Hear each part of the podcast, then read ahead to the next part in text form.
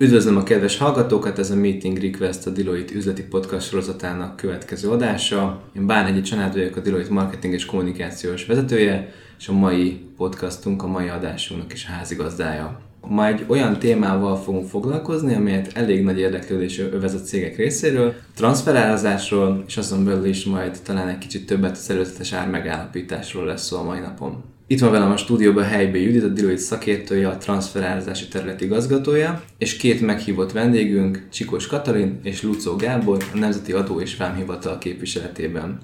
Üdvözöllek benneteket! Köszönjük szépen! Köszönjük szépen a meghívást! Köszönjük, hogy el tudtatok jönni. Első körben arra kérlek akkor benneteket, hogy tegyetek meg egy pár mondat erejéig bemutatkoztok, elmondjátok, hogy milyen területet képviseltek és milyen hatáskörben jártok el. Köszönjük szépen újfent, és üdvözöljük mi is a hallgatókat. Én Csikós Katalin vagyok, a Nemzeti Adó és Vámhivatal ellenőrzési főosztályának főosztályvezető helyettese. Ebben a szerepkörben én vezetem a szokásos piaci ármegállapítási osztályt, vagyis szokásosabb nevén az APA osztályt, illetve felelek a, a Nemzeti Adó és Vámhivatal transferárazási szakterületéért. Gábor? Én is üdvözlöm a hallgatókat, engem Lucó Gábornak hívnak, és én szintén a Nemzeti Adó és Vámhivatal ellenőrzési főosztályán belül dolgozom. Én a transferál ellenőrzési eh, módszertani osztályt eh, vezetem. A rövid bemutatkozás után szeretnénk elmondani, hogy mint a Nemzeti Adó és Vámhivatal transferás szakterületének egy része, mivel is foglalkozunk a mindennapokban. Mint az említésre került, két osztály munkáját vezetjük, az egyik az APA osztály, a másik pedig a transferár ellenőrzés és módszertani osztály, rövidebben a TEMO.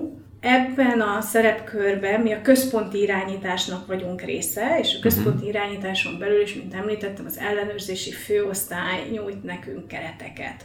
Ehhez képest a Dob utcában ülünk, a továbbra is a Kavigon, ami egy historikus történet, így alakult ki. Tehát ha valaki hozzánk jön, akkor az továbbra is a Dob utcába jön, nem pedig a központi irányításba. De ez nem befolyásolja a munkátokat? Nem, nem, nem befolyásolja. Tehát ugyanolyan szoros kapcsolatban vagyunk magával a központi irányítással, mint hogyha uh-huh. ott ülnénk. Illetve ugyanolyan távol vagyunk a Kaviktól, mint az összes többi megyétől, az ellenőrzési ügyekben. De mit is csinálunk mi pontosan, és akkor én inkább az apa osztályra szeretnék fókuszálni, és majd Gábor elmondja, hogy mit csinál a TEMO. Az apa osztály alapvetően, mint az a nevéből is kitűnik, a szokásos piaci ármegállapítási határozatokkal foglalkozik. Alapvetően első lépésként beszélhetünk egy előzetes konzultációról, amely vagy igénybe vesznek a cégek, vagy nem. Ez egy nagyon hasznos intézmény, mert meg tudjuk beszélni azt, hogy miről is szólna az apa, milyen tények és körülmények merülnek fel, milyen árazásra gondolt maga a szakember, aki benyújtja ezt a, a vagy benyújtja talán későbbiekben a kérelmet. Én úgy gondolom, hogy ez egy nagyon hasznos, de Judit szerintem meg tudja ezt erősíteni. Emellett ugye a beérkezett kérelmeket elbíráljuk, határozatot hozunk. Az esetek többségében az elmúlt három év tekintetében azt lehet mondani, hogy 80%-ban azért döntést hozunk, tehát határozatot hoz az adóhatóság, és megállapítja a szokásos piaci ár ártartományt, vagy módszert attól függően, hogy mit kért a kérelmező. Itt azonban ugye nem áll meg a munkánk, ha bármilyen kérdés merül fel az apa kapcsán még egy kicsivel később, akkor ezeket szintén megválaszoljuk a dúzói kérelemre, illetve hát ellátjuk az összes olyan törvény és nemzetközi kötelezettség alapján szóló feladatunkat, mint például vezetjük a DAC3 nevű adatbázist, amiben fel kell töltenünk ezeket az apákat, mindenféle riportálási kötelezettségünk van a pénzügyminisztérium felé, ugye magán a Nemzeti Adó és Vámhivatalon belül. Mert ti feleltek a kölcsönös egyeztető eljárásokért is, ugye? Igen, igen, mi felelünk a kölcsönös egyeztető eljárásokért is, és hát ezeket is aktívan próbáljuk próbáljuk megoldani, amikor már ugye a probléma fölmerült. Hányan vagytok egyébként ebben a csoportban, egy osztályon? Az osztály hivatalosan 8 fővel és titkársági ügyintézővel működik. Akkor nem unatkoztok? Nem. Ahogy gondolom a Temón sem.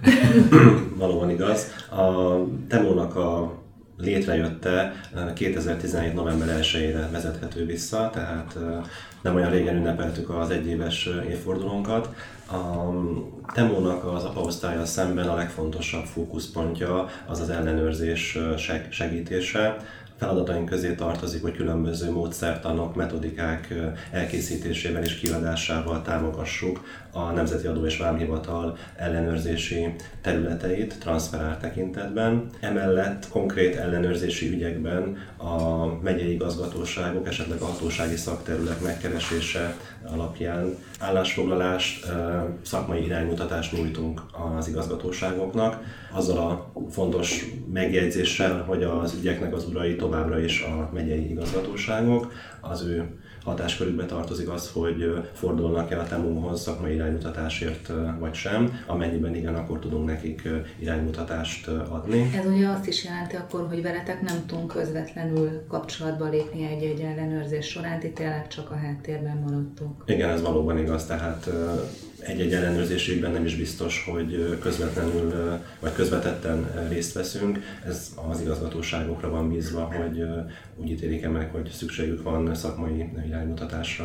Uh-huh a belső folyamatok támogatása mellett az is egy fontos feladatunk, hogy az adózókat tájékoztassuk, és ennek keretében azon dolgozunk, hogy minél több adózói tájékoztató kerüljön ki a Nemzeti Adó és Vámhivatal honlapjára.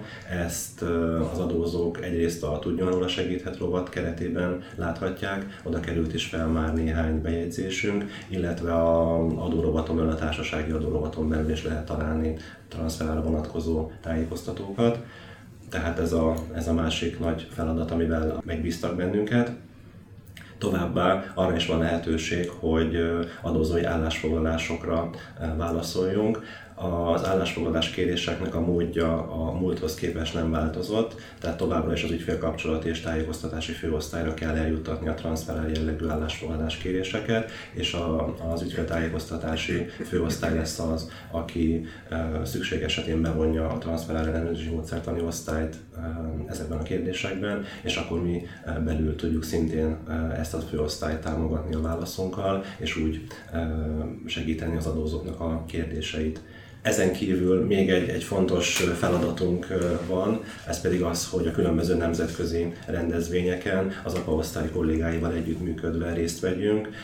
Itt többek között az OECD üléseire, az EU közös transferár fórumának az üléseire, illetve az adóhatóságok IOTA együttműködésére gondolok elsősorban. Ezekre az ülésekre a két osztálynak a kollégái gyakrabban akár mi is, magunk is elutazunk, és ezeken az üléseken részt veszünk, és igyekszünk a nemzetközi tapasztalatokat, újdonságokat minél előbb Magyarországon átültetni és, és tájékoztatni róla akár az adózókat, akár belül a, a kollégákat. Ehhez hozzátartozik az is, hogy esetlegesen bármilyen nemzetközi konferencián is részt tudunk venni. Így voltunk nem régen Belgrádban, a Belgrádi IFA szervezett egy nemzetközi adó, illetve transfer konferenciát, azon vettünk részt, illetve Gábor Berlinben is képviselte a Nemzeti Adó és Vámhivatalt a egy társasági adókonferencián, egy ilyen éves konferencián. És itt, itt most csak az egyéves, nemrég egyéves születésnapra visszatekintve, hogy el lehet mondani, hogy ennek az egyéves működésnek mik voltak a, azok a tipikus jellemző kérdései, amik akár a publikációba visszaköszöntek, tehát amivel talán a legtöbbet kellett ebben az első évben foglalkozni? Eh, ahogy említettem, a két legfontosabb terület, amivel foglalkozunk, az belül a transferál metodikák, módszertanok elkészítése. Eh, ezen gőzerővel dolgozunk, és készült már el belső módszertan, amit eh, megosztottunk az igazgatóságokkal, hogy a napi munkák során transferál ellenőrzésekben tudják hasznosítani. Ezen kívül pedig az adózói tájékoztatók készítése, ahogy említettem, néhány bejegyzés felkerült már a honlapra, és most két olyan területen tervezünk további tájékoztató elkészítését, elkészítését, eh, ami azt gondolom, hogy egy nagy előrelépés lesz eh, majd az adózók tájékoztatása tekintetében.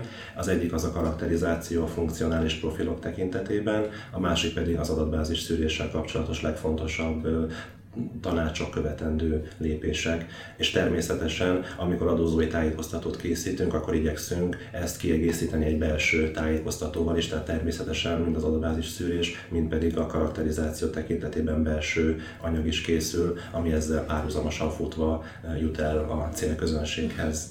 Itt ezzel kapcsolatosan én azt tenném hozzá talán tanácsadói oldalról, hogy amikor létrejött ez az osztály, az, az, az nyilván egy nagyon nagy érdeklődésre tartott számot a tanácsadói oldalról is, hiszen korábban azt láttuk, hogy az egyes igazgatóságok közötti ellenőrzési gyakorlatban azért van némi különbség, hogy mondjuk ki milyen adatbázis kutatási lépéseket fogad el, egyes kérdésekben milyen álláspontra helyezkedik. Tehát akkor azt várható, hogy ez most a ti működésetek okán egyre egységesebb lesz, és ilyen kilengéseknek, hogy mondjuk egy adatbázis kutatás valahol vidéken elfogadásra kerül, még ugyanaz az adatbázis kutatás Budapesten kifogást támaszt szemben az adóhatóság, ezek megszűnnek. Én erre azt mondanám, hogy minden transferáros ügy más és más. Tehát ezt szem előtt tartva, igen, egy egységesítés és egy, a transferának az azonos szintű megítélése minden megye szempontjából, ez igen, ez célkitűzés. Azt viszont szerintem nem lehet teljes egészében leszögezni, hogy minden ügyben ugyanúgy is kell ebben az esetben uh-huh. eljárni. Tehát most például a, a, az adatbázis kutatást felhasználva ez egy nagyon nehéz kérdés, mert ugye lehet egy standard lépéssorozatot ö, megállapítani, viszont ez soha nem lehet senki számára kötelezővé tenni, mert, mert minden egyes ügy, minden egyes transzfáros ügy az, az egyedi. Meg kell engedni a cégeknek, hogy a saját lépéseiket, amennyiben ez a standard nem megfelelő számukra, akkor eltérhessenek. De ezt az eltérést ebben az esetben majd indokolni kell. Nyilván ez adózói oldalról sok-sok kérdést vet fel, amikor megjelenik egy ilyen tájékoztató, mondjuk, hogy egy adatbázis kutatást hogyan kell elvégezni. Nyilván ahhoz a, a jövőben elkészítendő kutatásait majd, majd hozzá fogja igazítani, tehát azok a dokumentációi, amiket még nem vizsgált az adóhatóság, annak a tekintetében szükséges lesz neki felülvizsgálnia, hogy ezek a kutatásai megfelelnek az itt közzétett általános elveknek, és készülni abból, hogy a, a most közzétett szakmai sztenderdeknek egy mondjuk három éve készült kutatás miért nem felelt meg, és esetleg módosítani ezen a mintán. Én úgy gondolom, hogy, hogy az a módszertan, amit közzé teszünk, az, az nem egy most kialakult gyakorlatnak lesz az eredménye, hanem ez a nemzetközi sztenderdekkel összhangban kialakuló tájékoztató lesz, amit én azt gondolom, hogy hogy a gyakorlat, a piaci gyakorlat az, az évek óta már, már ezt, a, ezt, a, ezt a vonulatot követi, uh-huh. csak most ezt megpróbáljuk formula, formalizálni, és, és az adózók számára segítségként közzétenni. Én azt gondolom, hogy, hogy nagyon nagy meglepetésekre én nem számítok ezekben, a, ezekben ilyen tekintetben, hogy, hogy olyan lépéseket tennénk közzé, amelyek, amelyek nem képezték volna már eddig is a szakmai standardnek a részét. Uh-huh. Talán az iránymutatásokkal összefüggésben beszélhetünk arról is nyíltan, hogy, hogy ezek a módszertani iránymutatások a szakma által is megvitatásra kerülnek, Igen. hiszen tartjátok a, a tanácsadói egyeztetéseket. Ezt szerettem volna hozzáfűzni Gábor mondataihoz, hogy egyébként ezért sem valószínű, hogy itt valamiféle szakadék tudnak kialakulni a múlt és a, a jövő között, hiszen minden egyes ilyen tájékoztatót megelőz egy transferált kerekasztal elnevezésű rendezvény, melyet a Nemzeti Adó és Vámhivatal rendez, és erre meghívjuk az adótanácsadók egy részét. Ennek az indulása az Idén májusban. Idén májusra tehető, akkor volt az első, most néhány héttel ezelőtt tartottuk meg a másodikat, és terveink között szerepel még egy idénre, ám ez ugye az időszűkössége miatt már nem biztos, hogy megvalósul, ebben az esetben lehet, hogy átcsúszunk januárra. De mindenképpen szeretnénk azt, hogy egy ilyen három-négy havonta leülnénk az adótanácsadókkal, és megbeszélnénk azt, hogy mi az, ami mi gondolunk, mi az, amit ők gondolnak egy-egy bizonyos témakörben, és akkor ennek és figyelembevételével, meg az ő meghallgatásukkal készülnének el ezek a tájékoztatók, amelyek az adózók számára segítséget nyújthatnak a jövőben. Én ehhez annyit tennék csak hozzá egy gondolatként, hogy bármely tájékoztató, ami kikerül a Nemzeti Adó és Vámhivatal honlapjára, azok előtt a pénzügyminisztériumnak a jóváhagyását is megkapják, tehát minden esetben elküldjük a pénzügyminisztériumba jóváhagyásra, tehát hogyha a hallgatók már most esetleg felmennek a, a honlapunkra, és a tájékoztatók között megtalálják a szokásos piaci ár megállapításával összefüggő nyilvántartási kötelezettségről szóló NGM rendelet tájékoztatóját, akkor annak is a leganyán látható az, hogy pénzügyminisztérium és Nemzeti Adó és Vámhivatal közös jóváhagyásával került ez fel, és a többi tájékoztatóval is ez a, ez a célunk, és a transferál kerekasztalra is meghívjuk minden esetben a pénzügyminisztérium képviselőit. Az első kerekasztalon részt is tudtak venni, a másodikon sajnos nem, de minden esetben küldünk nekik meghívót, és számítunk a részvételükre. Szerintem térjünk rá talán a bevezetőben is beharangozott apa kérdéskörre, illetve egy kicsit talán menjünk is a mélyére. Itt elhangzott egy, egy 80%-os határozott hozatali szám, illetve egy, statisztika. Mit mutat mégis a, ezen belül a gyakorlat, mondjuk mik a leggyakoribb ügylettípusok? Alapvetően azt, azt lehet elmondani, hogy az elmúlt tíz évben van Magyarország, most már lassan 11 éve van APA eljárás. Egy stabil jogintézményről beszélhetünk, érdeklődés övezi, az adózók, illetve kérelmezők ebben az esetben kérnek is APA határozatot a Nemzeti Adó és Vámhivataltól. Igazából én az utolsó három évet néztem meg, mint kiinduló pontot a statisztikához, és én 2018-at is, is belevettem, még, még pedig azért, mert ugye a, a transferellenőrzés és módszertani osztály létrejötte következtében, a 18-as év az az első, amikor már nem ennek az osztálynak kell a teljes transferár uh-huh. szakmai terhet viselnie, tehát elméletileg gyorsabb eljárásokat tudunk produkálni, és ez egyébként látszik is. A 2016-os év volt eddig igazából a, a legjobb, ha ezt mondhatom ebből a három évből, ebben 25 apát zártunk, szemben a 2018-as eddigi 17-tel. Azt lehet mondani, hogy felgyorsult az apa osztály működése. A 2018-ban, illetve 2017 év végén beérkezett apák és a 18-ban beérkezett apák tekintetében tartjuk azt az elvünket, hogy 180 nap alatt szeretnénk egy, egy unilaterális apa határozatot meghozni. Itt érdemes megjegyezni azt, hogy ugye háromféle apa határozatot lehet tőlünk kérni. Unilaterálisat, amikor csak velünk szerződik hmm. a, a cég, illetve bilaterálist és multilaterálist. A bilaterális esetében már két országra vonatkozik az az APA határozat, tehát a tranzakciónak mind a két oldalát levédjük, ha fogalmazhatok így. A multilaterális pedig magától értetően több, több mint két ország esetében történik ez meg. Itt, itt lehet tudni, mik az arányok a beérkezett? E, igen, 2016-ban még 24 apa érkezett, és ebből két oldalú csak három volt, addig eddig a pontig, tehát szeptember, szeptember 30-as uh-huh. statisztikával tudok szolgálni, 12 apa érkezett be 2018-ban, és ebből már négy darab az, ami bilaterális, tehát 33% ra ment fel, ez 13% ról Ez azt mutatja, hogy a tranzakciók, amikre kérnek, azok sokkal nagyobb volumenűek, és már fontossá vált az, hogy mind a két adóhatóság előzetesen egyetértésre jusson egy-egy tranzakciónak a kezelésében, meg megítélésében, és nem későbbiekben, például egy kölcsönös egyeztetési eljárás keretében kell a két adóhatóságnak egymással találkoznia. Multilaterálisunk az nincsen uh-huh. egyelőre. És a több oldalú apákkal kapcsolatosan, vagy a bilaterálisakkal kapcsolatosan mi a, mi a tapasztalat? Milyen gyakran keresik meg a hatóságot, a külföldi adóhatóságot? Azt lehet mondani, hogy egyre jobb a nemzetközi összhang az adóhatóságok között. Tehát én azt látom, nekünk alapvetően egy pár országgal van csupán kapcsolatunk, de alapvetően nincsen probléma a kapcsolatfelvételben, nincsen probléma abból, hogy beszélgetnünk kell egymással.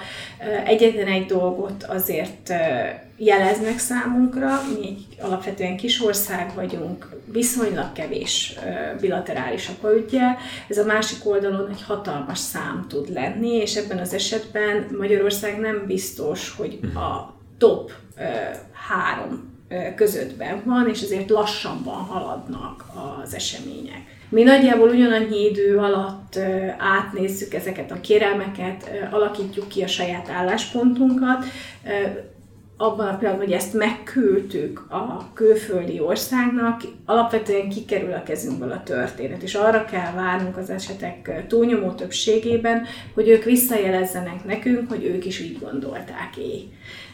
Ez sokkal több időt tud igénybe venni, mint egy unilaterális. Hát unilaterális, mondja, ez, ez a rész már nem történik Persze. meg.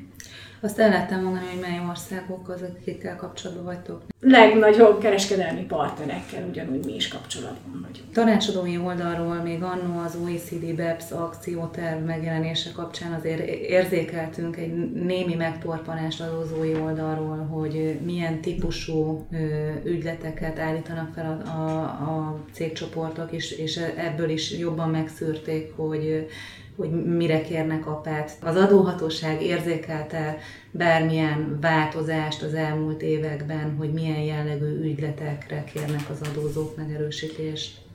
Én ugye ebben az évben vettem át az apa osztály vezetését, de hát ugye örököltem egy ügycsoportot, én nem látok igazán különbséget. Tehát, tehát azt, ami, ami számomra még esetlegesen 2016-ból átnyúló folyamatban lévő apaügyekben én nem látok különbséget. Azt lehet elmondani, hogy vegyes a kép, mindenféle ügylet megjelenik.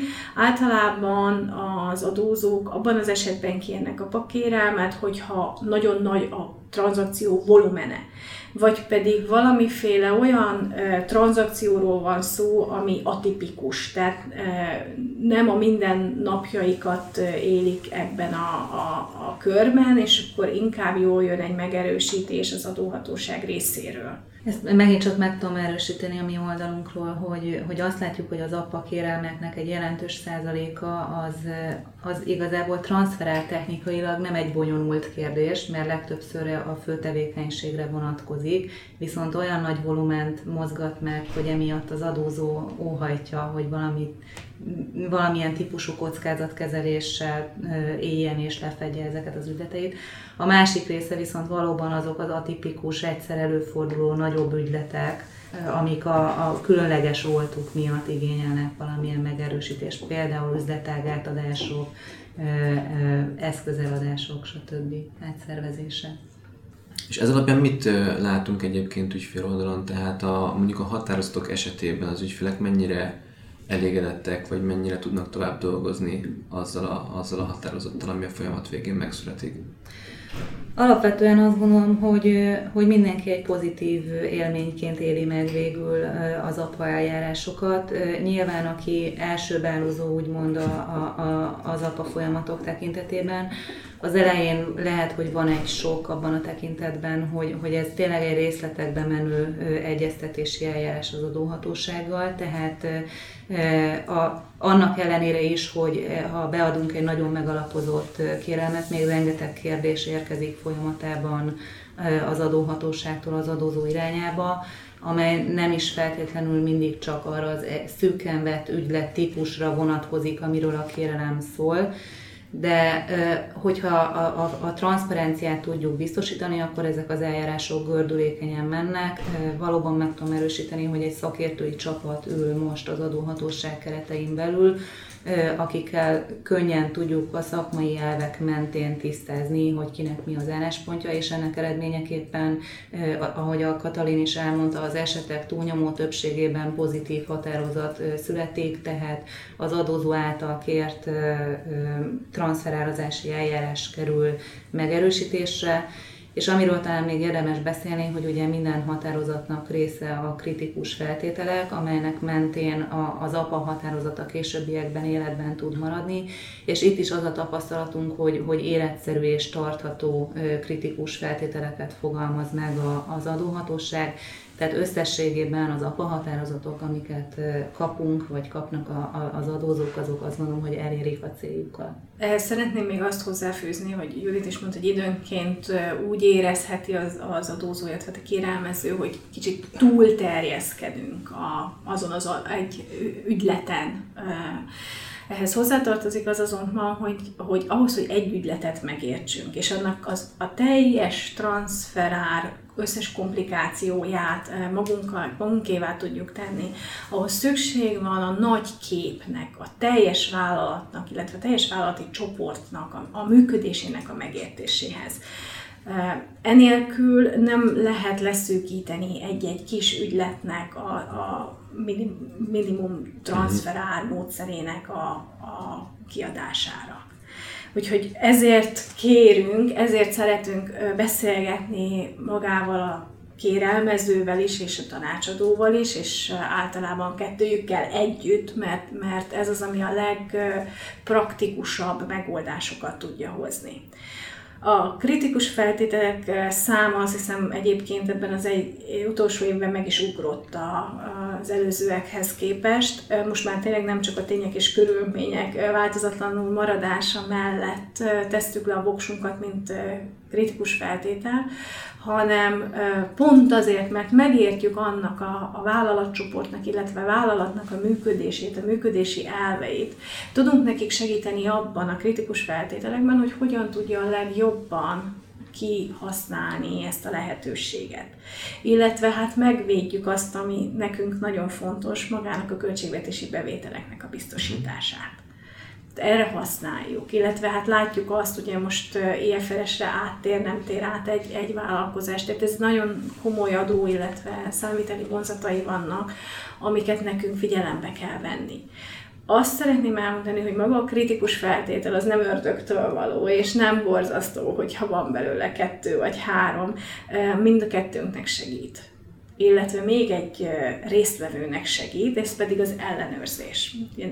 Egy apa határozat az nem arról szól, hogy megkaptam, beteszem a szekrénybe, és akkor tök jó, az elkövetkezendő öt évben nem kell várnom a Nemzeti Adó és Vámhivatal ellenőrzési szakterületének megjelenését. Jönni fognak, egy apa határozatot ugyanúgy le kell ellenőrizni, mint hogyha az nem lenne, csak sokkal egyszerűbb már maga az ellenőrzés, hiszen maga a revizor már csak az a határozatot nézi, illetve az annak való megfelelést nézi. Minél több fogódzót nyújtunk egy-egy határozatban magának a vállalkozásnak, hogy hogyan kell azt végrehajtani, illetve az ellenőrnek, hogy hogyan kell azt e, leellenőrizni, akkor ez esetek többségében valószínűleg nagyon re fog rövidülni az az időszak, amit az az, mind a vállalkozásnak, mind a revizornak ezzel az ügylettel kell majd eltölteni. És érdemes talán hogy arról is szót ejteni, hogy egy apa határozat jellemzően 3-5 évre köti mind az adózót, mind az adóhatóságot változatlan feltételek mellett, de hogyha a cég életében vagy magában a tranzakcióban valamilyen változás következik be, akkor egy apa módosítással ezeket a változásokat le lehet kezelni, és ilyen eljárásban is van azért nagy számosság az, a, az apa Igen, tehát ezek a változások lekövethetők. Uh-huh. És a kritikus feltétel az ugyan hatáját lehet veszíteni az apa, de abban a pillanatban, ebben a pillanatban el tudnak jönni, akkor még egy módosítása, akkor ezt tudjuk úgymond orvosolni. Szóval ez tökéletes átkötés volt a, a, az utolsó pontunkhoz ebben a kérdéskörben, hogy mik az ellenőrzési tapasztalatok, és inkább ilyen szempontból a céges, illetve a tanácsadói oldalt kérdezném, hogy hogy mit látunk a cégek oldaláról az ellenőrzések, illetve az a jogorvoslatok kérdéskörében. Hát a múltban azt, hogy a, a beszélgetés elején is elhangzott, láttuk, hogy, hogy országszerte különböző gyakorlatok voltak, úgyhogy ebből a szempontból a, a módszertani osztálynak a, a létrejötte az, az mindenképp már, már időszerű és kívánatos volt, azt gondolom adózói oldalról is. Ugye az is jól érzékelhető, hogy a, amikor a transferár dokumentációs kötelezettség megjelent, akkor évekig a mulasztási bírság volt a sláger téma a transfer ellenőrzések tekintetében. Ez már, a, már szinte teljesen kikopott, hiszen az adózók felkészültek, elkészítik a, a transferár dokumentációkat, és tényleg tartalmi transferár kiigazításokról beszélünk amiknek egyébként ugye a, a hatása az sokkal nagyobb, mint egy egy mulasztási bírság, hiszen itt, itt jellemzően azért több százmilliós, milliárdos kapcsolt tranzakciókról beszélgetünk, ahol egy egész pici kiigazítás is hatalmas pótolagos adóterhet tud jelenteni. Itt azt gondolom, hogy a, a jövőre nézve tényleg ezek a módszertani útmutatók, szakmai iránymutatások azok, amik még alapvető hiánycikkek a, a, a szakmában, mert minden tanácsadó, illetve azt látjuk a gyakorlatban, hogy, hogy sokszor a más országok adóhatóságai, cégcsoportjai is egy picit más logikával gondolkodnak, és, és ezek tudnak ellenőrzések kapcsán magas összegű megállapításokat eredményezni, de Gábor, önök hogy látják, hogy mi, mi az ellenőrzéseknek a trendje? Az ellenőrzésekkel kapcsolatban a, a legutóbbi tapasztalatainkat, azokat május környékén tettük közzé az adóhatóság honlapján, több tudjon róla segíthet rovatban. Az adózói hibák, azok a, azok a mulasztások, amiket láttunk, azok elég széles körűek voltak, és ahogy Üdit említette, a múltban az ténylegesen igaz volt, hogy nagyon sok esetben a mulasztási bírság volt a leggyakoribb szankció, amelyet az adóhatóság alkalmazott, mert sok esetben mondjuk nem készültek nyilvántartások. Manapság az esetek túlnyomó többségében a nyilvántartások elkészülnek, tehát az adóhatóságnak a formai, illetve sokkal inkább a tartalmi tartalmi vonulatot kell vizsgálnia és ellenőriznie. A, a tipikus hibák, mulasztások tényleg széles körűek, az adatbázis szűrésnek a, a hibáitól elkezdve az összehasonlító vállalkozások kiválasztásán keresztül mutatószámok választásával kapcsolatos hibákon át számosak. És azok az ügyek, amelyekben mondjuk megkeresik a transfer ellenőrzési módszertani osztályt, azok is ezt a képet mutatják. Nagyon sok esetben problémát jelent az, hogy az adózók olyan adatbázist használnak, amelynél nem jelölik meg pontosan, hogy milyen volt mondjuk az adatbázisnak a verziószáma, mely volt pontosan az adatbázis, amelyet választottak. Ja, az NGM rendelet, a nyilvántartásra összefüggő NGM rendelet előírja azt, hogy egy ellenőrizhető, adóhatóság által ellenőrizhető nyilvános adatbázisból kell ezeket a kutatásokat elvégezni, ami a reprodukálhatóság, illetve leginkább leg, ugye a visszakövethetőséget is hivatott, hogy szolgálja. Ezzel például elég gyakran találkozunk. Sok esetben fordul az elő, hogy nem megfelelő a manuális szűrése a kiválasztott társaságoknak Szerepel ugyanis a rendeletben az, hogy funkcionális elemzést kellene végezni mind a magunk tekintetében, mármint adózó tekintetében, mind az összehasonlító vállalkozások tekintetében. Az információk elérhetősége miatt ugyanis a legpontosabb funkcionális elemzést az összehasonlító vállalkozások tekintetében mondjuk egy manuális vizsgálat során van lehetőség. Ebben nagyon sok esetben látunk olyan hibákat, amelyeket szükséges mondjuk egy ellenőrzés során korrigálni, és mondjuk a kiválasztott társaságoknak a végső mintáját megváltoztatni, és ez változtathatja a szokásos piaci tartományt is. Sok esetben az is egy fontos kérdés, és igazából ennek köszönhető az, hogy a karakterizációval is elkezdtünk foglalkozni, hogy az adózónak a saját funkcionális profiljának a meghatározása az nem egészen megfelelő, és ami a nyilvántartásban található, meg esetleg mondjuk amit a szerződések mutatnak, meg amit a valóság mutat mondjuk a különböző beszámoló pénzügyi adatok, számlák alapján, ezek nem nincsenek köszönő viszonylatban teljes egészében, és ilyen esetben fontos az, hogy, hogy a tartalom legyen az elsődleges a formával szemben, és ilyen esetekben szintén igyekszünk ezt minél inkább feltárni, és ebben az esetben már a funkcionális elemzés lesz az, ami, amit esetleg módosítani kell, vagy az adózónak a karakterizációja, és ez mondjuk veszélybe sodorhatja akár már az elvégzett összehasonlító kutatást is. Ezt, ezt meg tudom erősíteni a tanácsadói oldalról is, hogy mi is a legtöbb megállapítás, amit látunk, az az adatbázis kutatások, illetve magának mondjuk a transferározási költségalap megállapítása, a, a tesztelt félre, a, a releváns mutatószámok kiszámítása kapcsán, illetve ügyletek működési struktúrák funkcionális átkarakterizálása kapcsán merül föl.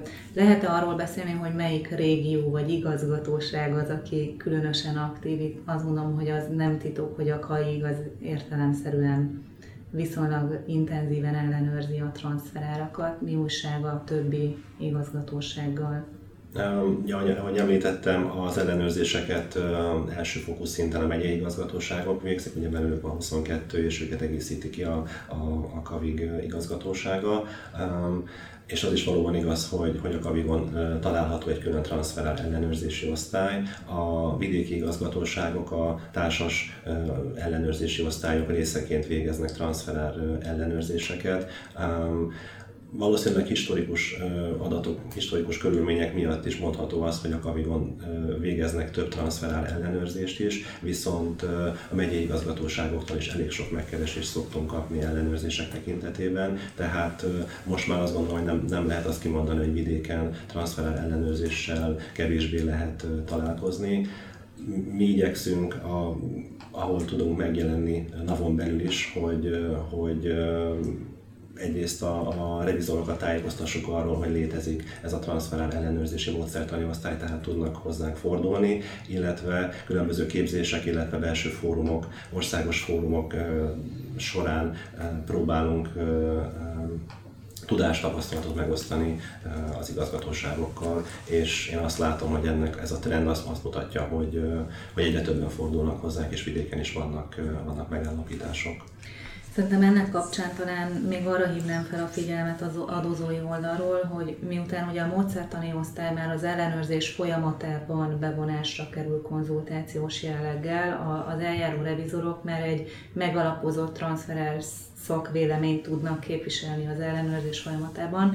Sokszor azt látjuk azonban, hogy a, a, a cégek a, a tanácsadóikat már csak az észrevétel vagy a, a fellebbezés során vonják be, és emiatt szeretném felhívni ügyfeleink figyelmét, hogy az különösen fontos pont a módszertani osztálynak a, a hathatós működése okán, hogy a, a transferár szakértő adózói oldalról is már ideje korán bevonásra kerüljön ezekbe a beszélgetésekbe, hogy a szakértő a szakértővel jusson lehetőség szerint még bármilyen írásos anyag, észrevétel, határozat megjelenése előtt nyugvópontra azt gondolom, hogy az apák és az, és az ellenőrzések kapcsán nagyon sok hasznos információ hangzott most el.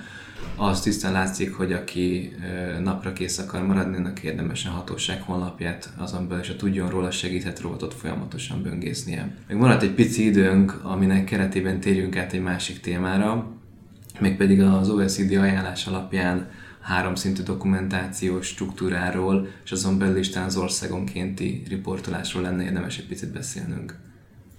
Gábort kérdezem, hogy mik az első tapasztalatok, milyen jelenségek figyelhetőek meg? E tekintetben is került fel már az adóhatóság honlapjára, hogy róla segíthet rovatba egy, egy országonkénti jelentésekkel kapcsolatos tapasztalatokat összefoglaló segítség az adózók számára. Azt fontos hangsúlyozni, hogy az országonkénti jelentés csak egy szűkebb adózói kört érint, mivel egy elég magas bevételi korlátot határozott meg az OECD ajánlása a vállalatcsoportok számára, hogy mely cégcsoportok érintettek országonkénti jelentés tételi kötelezettséggel. Ez 750 millió eurós konszolidált bevétel, tehát ez az adózóknak egy viszonylag szűk körét érinti, viszont az OECD tanulmánya szerint ez nagyjából a, az adózóknak a 10%-át fogja érinteni, viszont a társasági adóbevételeknek a 80-90%-át fedi le. Tehát egy olyan adózói mm-hmm. körről beszélhetünk, akik nagyon nagy hozzájárulással bírnak a globális társasági adóalaphoz, hogyha fogalmazhatok így. Ebben az országonkénti jelentésben nagyon sok pénzügyi adatot, illetve vállalatcsoporton belüli társaságok tevékenységével kapcsolatos információt kell megosztaniuk a vállalatcsoportoknak, és ezt abban az országban kell főszabály szerint benyújtani, ahol a végső anyavállalat található, és ezután az adóhatóságok, hogyha nincs mondjuk rendszerhiba, illetve megvannak azok a nemzetközi megállapodások, ami a megosztást lehetővé teszik, akkor nemzetközi infócsere keretében ezeket az országonként jelentéseket egymással kicserélik, így minden adóhatóság a teljes vállalatcsoportról kap egy átfogó pénzügyi, illetve ö, szöveges információt arról, hogy ténylegesen hogyan is működik a vállalatcsoport. Ez tavaly év végével jelentett elsőként egy kötelezettséget az adózók számára a maga a kötelezettség tartalmaz adatszolgáltatást és bejelentési kötelezettséget is. A hazai végső anyavállalatoknak adatszolgáltatást kellett már a tavalyi év végével megtenniük, akik viszont csak csoportokként, tehát egy multinacionális vállalatcsoport helyi leányvállalataként működnek, nekik csak egy bejelentési kötelezettségük volt,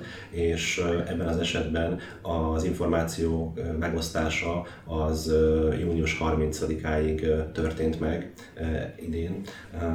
Azt lehet elmondani, mondani, hogy Magyarországon viszonylag kis számú volt a helyi adatszolgáltatás, tehát a helyi végső vállalatok által történő adatszolgáltatás, viszont nagyon nagy számú volt, több ezer reheteltő annak a száma, amely esetben Magyarország kapott más adóhatóságoktól országonkénti jelentést. Tehát ez azt mutatja, hogy Magyarországon nagyon nagy számú az a csoporttag, akik multinacionális vállalatcsoport tagjaként Magyarországon működnek.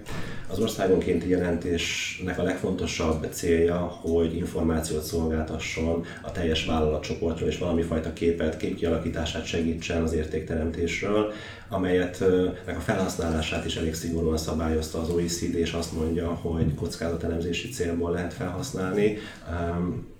Viszont közvetlenül megállapítást az országonkénti jelentésre alapozva nem lehet tenni, ezért mi is, mint Nemzeti Adó és Vámhivatal az országonként jelentéseket erre használjuk fel kockázatelemzési célból, és azt lehet elmondani, hogy most folyamatban vannak ezeknek az országonként jelentéseknek az áttekintése, transferás szempontú kockázat elemzése, és ezután jöhet az a lépés, hogy valamilyen ellenőrzés vagy, vagy jogkövetési vizsgálat tekintetében, meg keretében forduljunk az adózókhoz, és konkrét kérdések tekintetében próbáljuk esetleg azokat az anomáliákat kivizsgálni, amelyeket mi az országonként jelentések alapján látunk, de közvetlenül olyannal nem fognak szembesülni az adózók vagy az adóhatóság esetleg, konkrét megállapítással keresi már meg őket, hogy az országonként jelentések alapján ezt láttuk, és szerintünk meg nem ezt kellett volna, hogy ott, ott szerepeljen mondjuk transfer szempontból, tehát emiatt nem kell aggódni, de a jövőben az adózóknak arra fel kell készülniük, hogy országonként jelentéssel kapcsolatos kérdéssel is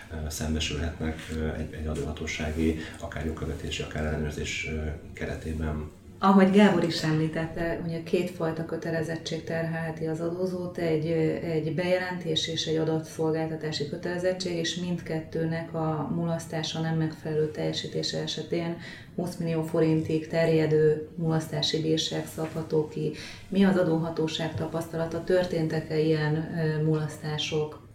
Erről jelenleg még nem tudok beszámolni. Ez egy nagyon-nagyon új kötelezettség, és, és nem csak az adózók számára, az adóhatóság számára is új kihívásokat jelentett. Nagyon sok tapasztalatról még, még sajnos nem tudok beszámolni, de természetesen, mivel ez egy olyan kötelezettség, mint mondjuk a nyilvántartás készítési kötelezettség, ezért az adóhatóság hasonlóképpen fog eljárni esetleg egy mulasztás esetén csak erre egy kis időre még szükség van, hogy ez, ez ténylegesen az ellenőrzés is mondjuk elérje ezeket, a, ezeket az éveket, amelyre mondjuk országonként jelentéstételi kötelezettséget kell megtenni. Ehhez én annyit tennék hozzá, hogy az adóhatóság a honlapján azt folyamatosan teszi, hogy mely országokkal van automatikus információcserére vonatkozó megállapodás, illetve hogy fennáll-e rendszerhiba, mert ez a kettő olyan terület, ami, ami esetleg megakadályozhatja azt, hogy Magyarországra eljussanak ezek az országok országonkénti jelentések, és hogyha itt, itt azt látjuk, hogy esetleg egy ország nincs fent, akkor, akkor az azt jelenti, hogy, hogy esetleg a helyi adatszolgáltatás az, az relevánsá válhat és foglalkozni kell vele. Érdemes tehát azt gondolom, hogy ebben a témában is mind a NAV, mind pedig a Deloitte honlapját böngészni a további információk kapcsán. Nekünk a mai adásunkban ennyi fért. Nagyon köszönöm a szakértőinknek, hogy időt tudtak szakítani erre a beszélgetésre, és azt gondolom, hogy nagyon hasznos a hallgatóknak az, ami, ami a mai napon elhangzott. Köszönjük a hallgatóknak, hogy velük tartottak a Deloitte mai meeting request adása során. Mindenkit arra bíztatok, hogy kövesse a Deloitte podcastjait. Következő témákkal hamarosan jelentkezünk. Köszönjük a meghívást. Köszönjük. Köszönjük.